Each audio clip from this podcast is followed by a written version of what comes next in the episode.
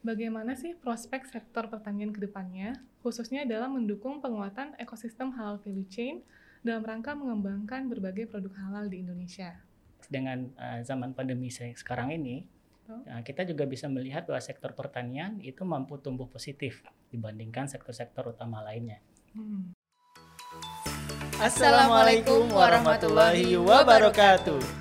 Selamat datang di Podcast Eksyar, podcast ekonomi dan keuangan syariah. Selamat datang di Podcast Eksyar, podcast ekonomi dan keuangan syariah. Podcast Ekonomi dan Keuangan Syariah bersama Departemen Ekonomi dan Keuangan Syariah Bank Indonesia membahas berbagai isu menarik dan perkembangan terkait ekonomi dan keuangan syariah di Indonesia. Assalamualaikum warahmatullahi wabarakatuh. Selamat datang Sobat ISEF dalam episode kelima podcast POD KES, Podcast Ekonomi dan Keuangan Syariah, bersama Departemen Ekonomi dan Keuangan Syariah Bank Indonesia. POD KES atau podcast ini merupakan media yang membahas perkembangan dan berbagai isu menarik seputar ekonomi dan keuangan syariah di Indonesia. Podcast merupakan bagian dari Indonesia Syariah Economic Festival atau ISEF 2021. ISEF 2021 Celebrate Meaningful Life. Baik Sobat ISEF, bersama saya di sini Mahdi Aulia dan juga telah hadir narasumber kita yaitu Mas Wahyu Ega Nugraha. Beliau merupakan manajer dari kelompok Halal Value Chain di Departemen Ekonomi dan Keuangan Syariah Bank Indonesia. Selamat siang Mas Ega, apa kabar Mas? Alhamdulillah Mbak Dia, gimana kabarnya juga? Alhamdulillah sehat Mas, walaupun sedikit sibuk dengan persiapan ISEF, tapi Alhamdulillah kita masih sehat walafiat. Nah, Mas Ega sebelumnya nih uh, kami mengucapkan terima kasih banyak telah meluangkan waktunya untuk dapat hadir menjadi narasumber dalam episode kelima podcast kali ini yang mengusung tema sektor pertanian sebagai tulang punggung produk halal. Nah, penasaran kan Sobat Isep, apa sih maksudnya sektor pertanian sebagai tulang punggung produk halal? Oleh karena itu, langsung saja nih simak perbincangan kami pada podcast siang ini. Baik Mas Ega, kita mulai dari pertanyaan pertama yaitu pertanyaan yang paling mendasar gitu ya Mas ya. Mengapa sektor pertanian itu penting bagi perekonomian Indonesia? Nah, baik Mbak Dia, jadi kalau bisa kita mengutip dari perkataan Insinyur Soekarno, Presiden pertama RI, beliau mengatakan bahwa sektor pangan merupakan hidup matinya suatu bangsa. Jadi ini merupakan suatu uh, quotes yang sangat uh, penting untuk kita renungi bersama jika kita lihat konteks yang lebih besar di uh, negara Indonesia, kontribusi dari sektor pertanian itu memang menunjukkan uh, kontribusi yang cukup besar, hampir mencapai 50, 15% dari PDB nasional. Okay. Kemudian jika kita lihat dari konteks uh, lapangan kerja, itu hampir 29% lapangan kerja itu bergerak di sektor pertanian. Itu benar-benar angka yang besar ya Mas ya, kalau bisa kita melihat bahwa sektor pertanian itu sangat penting gitu dari angka-angka tersebut ya. Iya, benar Mbak uh, Dia. Jika kita ambil konteks dengan uh, zaman pandemi sekarang ini, uh, kita juga bisa melihat bahwa sektor pertanian itu mampu tumbuh positif dibandingkan sektor-sektor utama lainnya. Hmm. Jadi data BPS menunjukkan di tahun 2020 sektor pertanian mampu tumbuh sebesar 1,8 persen. Okay. Dibandingkan jika kita lihat pertumbuhan nasional yang mengalami kontraksi mencapai 2,02 persen. Jadi ini uh, telah menunjukkan kepada kita by data bahwa hmm. sektor pangan ini merupakan sektor uh, dasar, sektor, uh, primary kebutuhan dasar bagi setiap warga di Indonesia. Wow, hmm, terima kasih Mas Ega penjelasannya. Jadi dari yang Mas Ega jelaskan tadi, bisa saya simpulkan kondisi dan perkembangan sektor pertanian di Indonesia saat ini itu tumbuh positif ya Mas ya? Iya Mbak, benar. Apalagi di saat sekarang juga sektor pertanian tetap uh, mampu tumbuh positif seiring dengan semakin banyaknya uh, permintaan dan semakin uh, mulai pulihnya pertumbuhan ekonomi nasional. Baik Mas Ega, tadi kan kita sudah mendengar bahwa sektor pertanian itu penting bagi pembangunan Indonesia begitu ya. Dan juga kondisi pertanian, sektor pertanian kita sekarang masih positif seperti itu. Nah ada nggak sih Mas tantangan yang dihadapi oleh sektor pertanian saat ini? Ya baik, kalau kita bicara tantangan di balik pertumbuhan positif sektor pertanian di zaman pandemi, kita menghadapi uh, tiga tantangan utama, Mbak Dia. Okay. Jadi yang pertama adalah generasi petani Indonesia yang diprediksikan akan semakin menurun sepanjang tahunnya. Oke.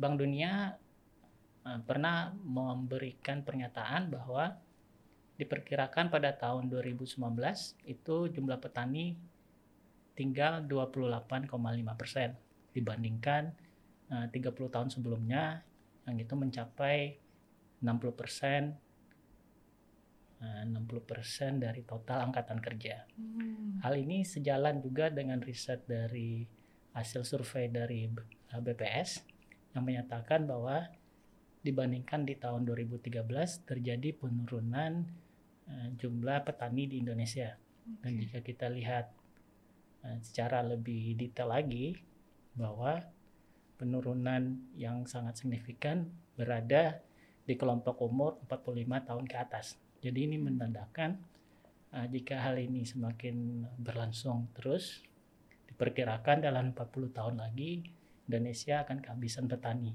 untuk bergerak di sektor pertanian.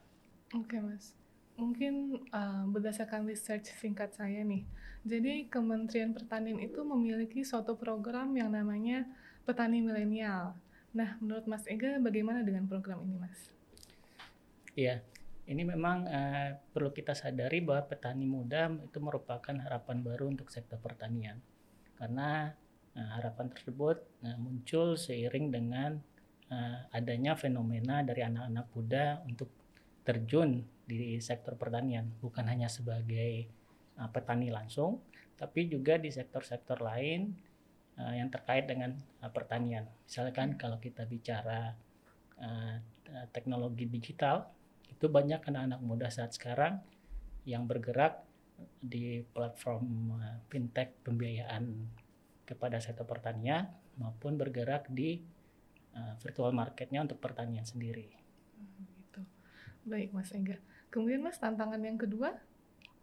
Ya tantangan kedua adalah kita bicara tentang uh, rendahnya kualitas dan kompetensi dari petani kita sendiri. Okay. Jika kita kaitkan dengan kemajuan perkembangan dari teknologi, petani kita itu bisa dikatakan masih minim eh, kompetensi untuk penggunaan teknologi, baik hmm. itu teknologi budidaya secara mekanisasi maupun pemanfaatan dari teknologi digital sendiri. Baik, baik, baik. Tantangan yang ketiga yang harus kita eh, sama-sama uh, atasi adalah terkait efisiensi di uh, rantai nilainya sendiri. Okay. Jadi seperti yang saya sampaikan bahwa sektor pertanian ini memiliki rantai nilai yang cukup panjang, mulai dari penyediaan bibit, kemudian di sisi produksinya sendiri, di sisi transportasi, sampai barang-barang produk uh, pertanian itu diterima di tangan konsumen. Jadi untuk Indonesia sendiri karena keterbatasan uh, infrastruktur dan juga uh, teknologi penunjang lainnya, ini mengakibatkan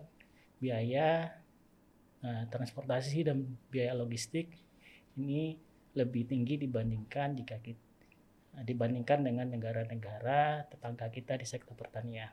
Oh baik Mas Ega. Memang uh, sisi efisiensi itu sangat penting ya Mas untuk menjadikan kita winner gitu, pemenang dalam kompetisi yang semakin mengglobal gitu mungkin ya Mas ya. Iya benar Mbak. Baik. Terima kasih Mas Ega penjelasannya. Itu informasi yang baru bagi saya. Nah kemudian Mas, jadi kan uh, apa ya teknologi itu sudah diaplikasikan ke berbagai hal gitu. Kalau di bagian keuangan kita mengenal namanya fintech atau financial technology. Nah di pertanian apakah ada mas aplikasi atau uh, fusion antara teknologi dan pertanian?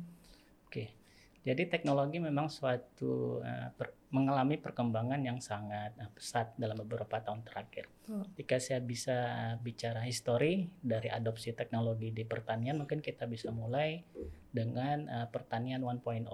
Jadi okay. pertanian 1.0 itu dimulai dengan pada zaman kuno hingga zaman uh, tahun 1920-an di banyak uh, banyak sektor pertanian masih dikerjakan secara manual, secara tradisional dan dilakukan oleh kelompok subsisten yaitu lakukan pertanian untuk bertahan hidup. Hmm. Kemudian sejak tahun 1920 sampai 2010 itu dikenal dengan pertanian uh, 2.0. 2.0. Di sini telah uh, digunakan berbagai alat uh, penunjang pertanian seperti traktor, pupuk dan juga benih. Kemudian uh, mulai dilakukan adanya efisiensi untuk waktu pengolahan. Kemudian juga telah berkembangnya praktek agribisnis atau pertanian berbasis industri. Kemudian jika kita berangkat yang uh, untuk uh, step ketiga, tahap ketiga yaitu adalah industri 3.0. Okay. Ini dimulai uh, di atas tahun 2010 yang ditandai dengan adanya pemanfaatan dari high tech di bidang sensor, komputasi, uh, cloud, komputasi awan, kemudian juga otomasi berbasis elektronik. Okay. Kemudian yang uh, perkembangan terkini yaitu pertanian 4.0, yaitu pengembangan artificial intelligence, hmm. uh, kecerdasan buatan, kemudian juga pengembangan yang kita kenal dengan uh, precision farming, dengan terakhir adalah pengembangan dari manajemen information system. Oke. Jadi perkembangan teknologi itu juga mengiringi uh, sektor pertanian begitu ya Mas ya. Saya cukup kaget tadi kita ada kata-kata artificial intelligence dalam sektor pertanian itu sesuatu yang cukup uh, mengagumkan saya sendiri ya begitu. Iya. Mungkin bisa Mbak Dia bayangkan jadi yang mm -hmm. kalau kita uh, bicara konsep dari uh, pertanian 4.0 ya kita bayangkan nanti untuk pengolahan lahan, kapan waktu pertanian, terus juga kontrol cuaca dan sebagainya itu dilakukan lewat uh, satu uh, satu device yang hmm. itu ada di genggamannya para petani. Okay. Jadi petani bisa melakukan uh, proses pertanian dengan lebih presisi, hmm. kemudian juga dapat mengatur bagaimana kondisi cuaca dan sebagainya dengan sasaran akhir yaitu uh, dapat meningkatkan produktivitas dan dapat melakukan Eh, pengolahan atau budidaya pertanian itu sepanjang waktu. Oke, okay. Oh, keren sekali itu mas. Oke mas Ega. Nah tadi kita sudah membahas, uh, tadi mas Ega menyebut terkait hulu dan hilir begitu ya.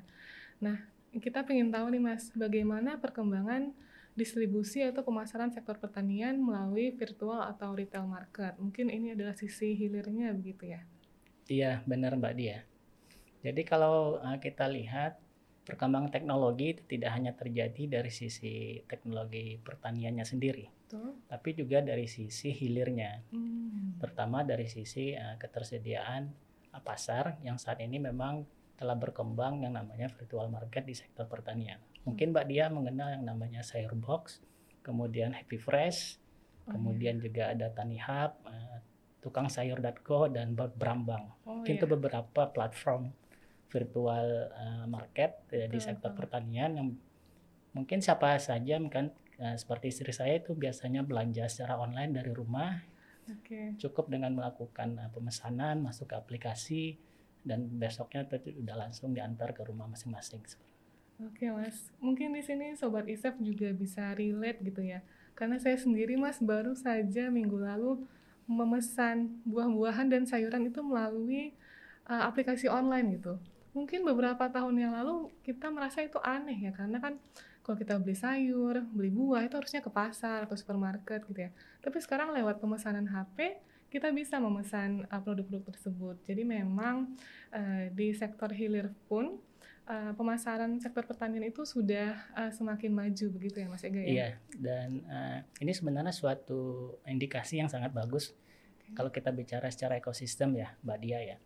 Jadi kita uh, di saat sekarang di mana ketersediaan hilir yang uh, berkelanjutan itu merupakan suatu uh, hal yang penting bagi sektor pertanian, keberadaan para platform digital ini. Okay. Ini akan sangat membantu untuk mendorong di sisi hulunya juga. Hmm, betul, Jadi Uh, salah satu uh, riset yang pernah dilakukan terkait sektor pertanian, keengganan para petani maupun para milenial untuk uh, bergerak di bidang uh, sektor pertanian karena tidak adanya kepastian pasar. Hmm, Jadi dengan keberadaan platform virtual market, kemudian dengan uh, linkage dengan berbagai retail market juga, ini memberikan kepastian pasar sehingga kita harapkan di sektor hulunya pun maupun di sektor produksinya pun itu juga ikut uh, terangkat seperti itu.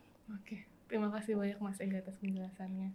Nah, kita kan Departemen Ekonomi dan Keuangan Syariah nih Mas, jadi nggak mungkin kita nggak membahas ekonomi syariah gitu ya.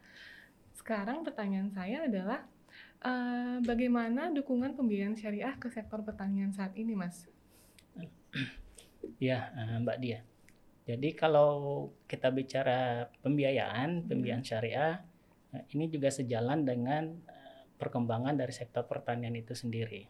Jadi seperti yang tadi saya sampaikan bahwa sektor pertanian itu tetap menjadi sektor utama bagi perekonomian nasional sehingga dukungan pembiayaan itu juga uh, semakin masif untuk hmm. masuk uh, di sektor uh, pertanian. Okay. Mungkin uh, yang bisa saya sampaikan seperti di Kementerian Pertanian mereka sudah mulai untuk uh, menggelar yang namanya kurs uh, syariah untuk pertanian untuk melengkapi kur yang telah ada Kemudian juga dari LPDP KUMKM mereka juga mempunyai program untuk pemberian dana bergulir kepada Gapoktan maupun kepada pesantren yang berbasis mempunyai koperasi hmm. yang bergerak di sektor pertanian.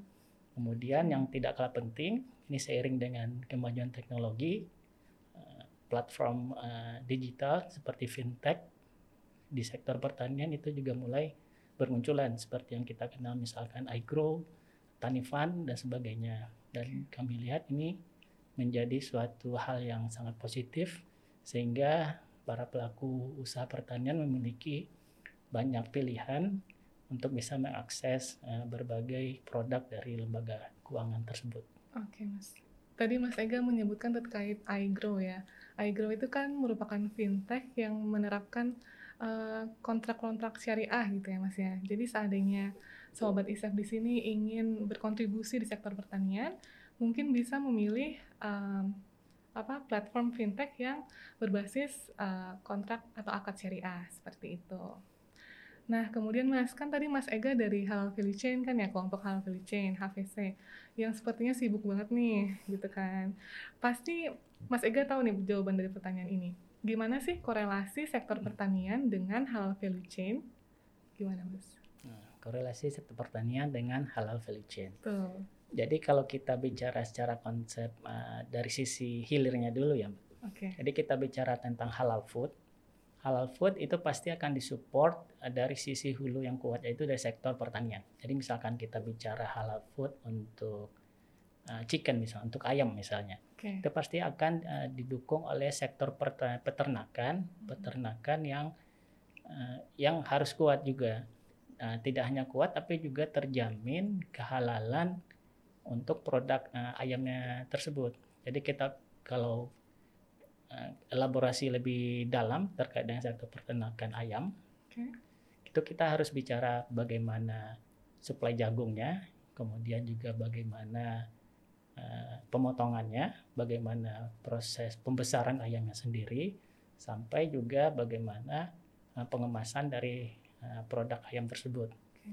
Uh, jadi ini yang uh, perlu dipastikan bukan hanya dari kualitas kehalalan kehalalan dari uh, materialnya, tapi juga bagaimana proses handlingnya, bagaimana proses pengemasannya, Eh, dan sebagainya.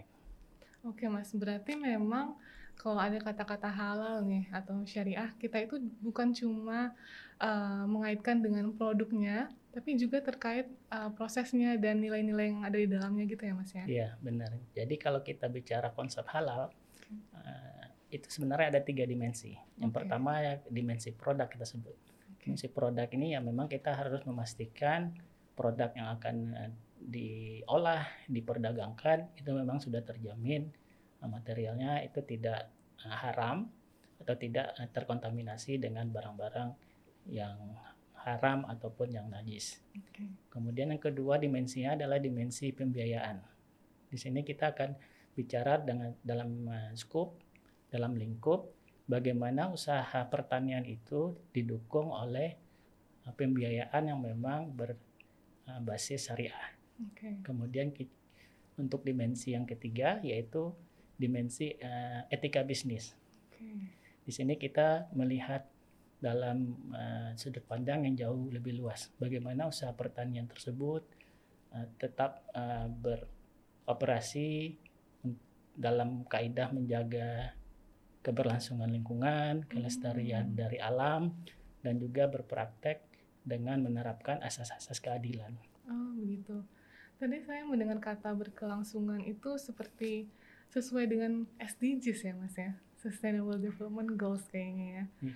Jadi memang uh, nilai-nilai ekonomi syariah itu atau halal value chain itu juga se sejalan dengan uh, program-program SDGs sepertinya ya, Mas ya. Iya, benar. Selain SDG itu juga sesuai dengan prinsip-prinsip dari ekonomi syariah itu sendiri, Betul sekali. yaitu bagaimana pertumbuhan yang seimbang ya, Mbak.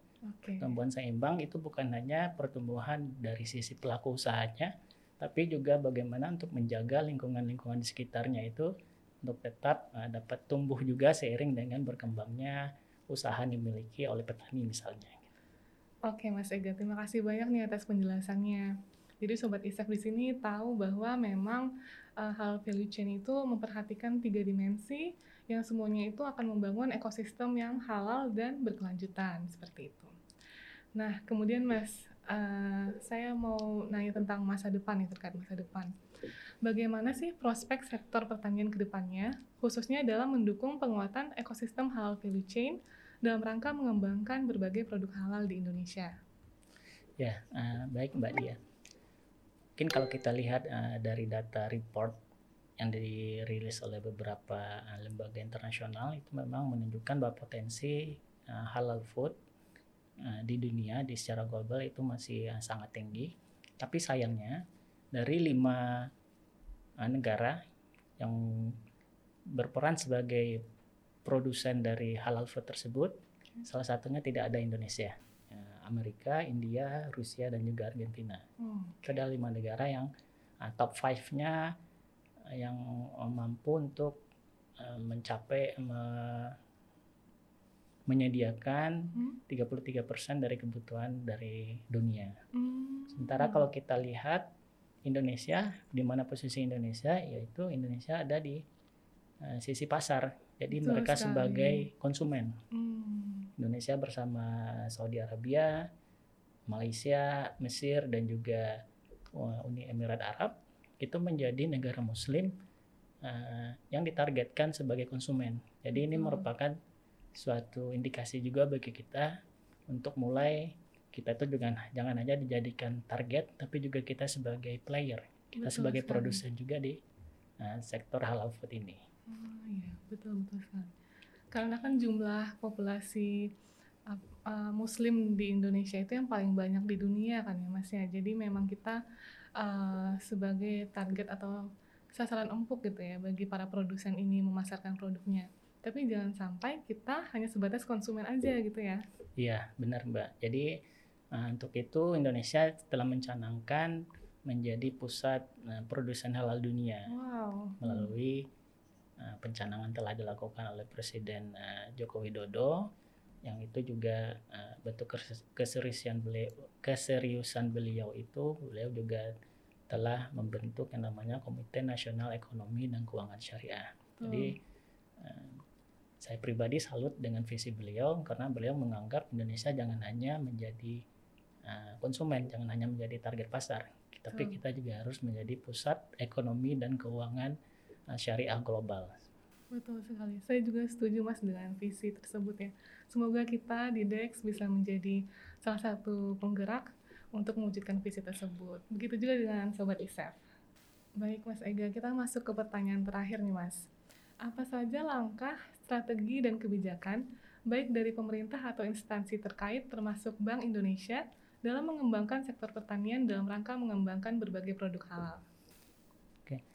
Kalau kita bicara kebijakan, ini mungkin saya bisa mengadopsi yang telah dicanangkan oleh Kementerian Pertanian, yaitu mereka memiliki yang namanya kebijakan pembangunan pertanian maju, mandiri, dan modern untuk tahun 2020 sampai 2024. Ada empat hal yang uh, mereka sasar, yaitu bagaimana peningkatan produksi dan produktivitas, kemudian juga bagaimana menciptakan pertanian yang rendah biaya, kemudian bagaimana memperluas mekanisasi dan juga riset di uh, sektor pertanian. Kemudian yang keempat adalah untuk melakukan ekspansi pertanian melalui pemanfaatan lahan-lahan dan juga penyediaan air irigasi dan sebagainya.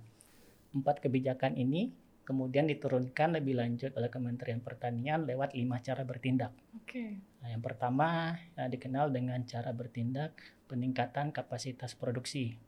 Dilakukan dengan cara pengembangan lahan eh, rawa di beberapa daerah, kemudian juga perluasan areal tanaman baru.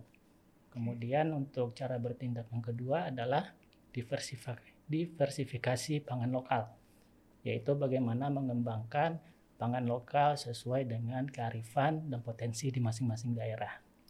Kemudian yang ketiga adalah bagaimana memperkuat cadangan dan dan sistem logistik pangan, yaitu dilakukan dengan membangun beberapa cadangan beras di beberapa daerah, kemudian juga penguatan sistem logistik pangan nasional. Sangat komprehensif ya Mas Ega ya.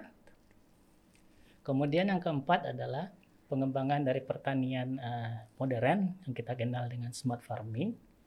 Nah, kemudian yang kelima adalah gerakan tiga kali ekspor.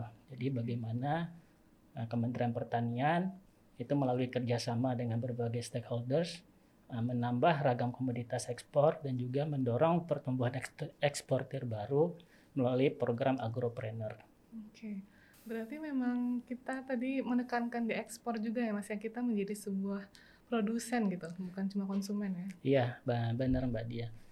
Nah, kemudian kalau kita bicara dari konteks Bank Indonesia, khususnya dari Departemen Ekonomi dan Keuangan Syariah, memang eh, di dalam konteks eh, ekonomi syariah, sektor pertanian memang menjadi salah satu sektor utama yang dikembangkan, terutama untuk menciptakan ekosistem halal value chain. Oke. Jadi di sini eh, kami dari kelompok HVC itu telah eh, men- menjalankan beberapa pilot eh, project di Oke. sektor pertanian khususnya memang eh, yang mendukung peningkatan produktivitas melalui penggunaan smart farming dan juga kita dorong kolaborasi dan juga eh, kerjasama di dari berbagai pihak di dalam ekosistem rantai nilai halal di sektor pertanian. Oke.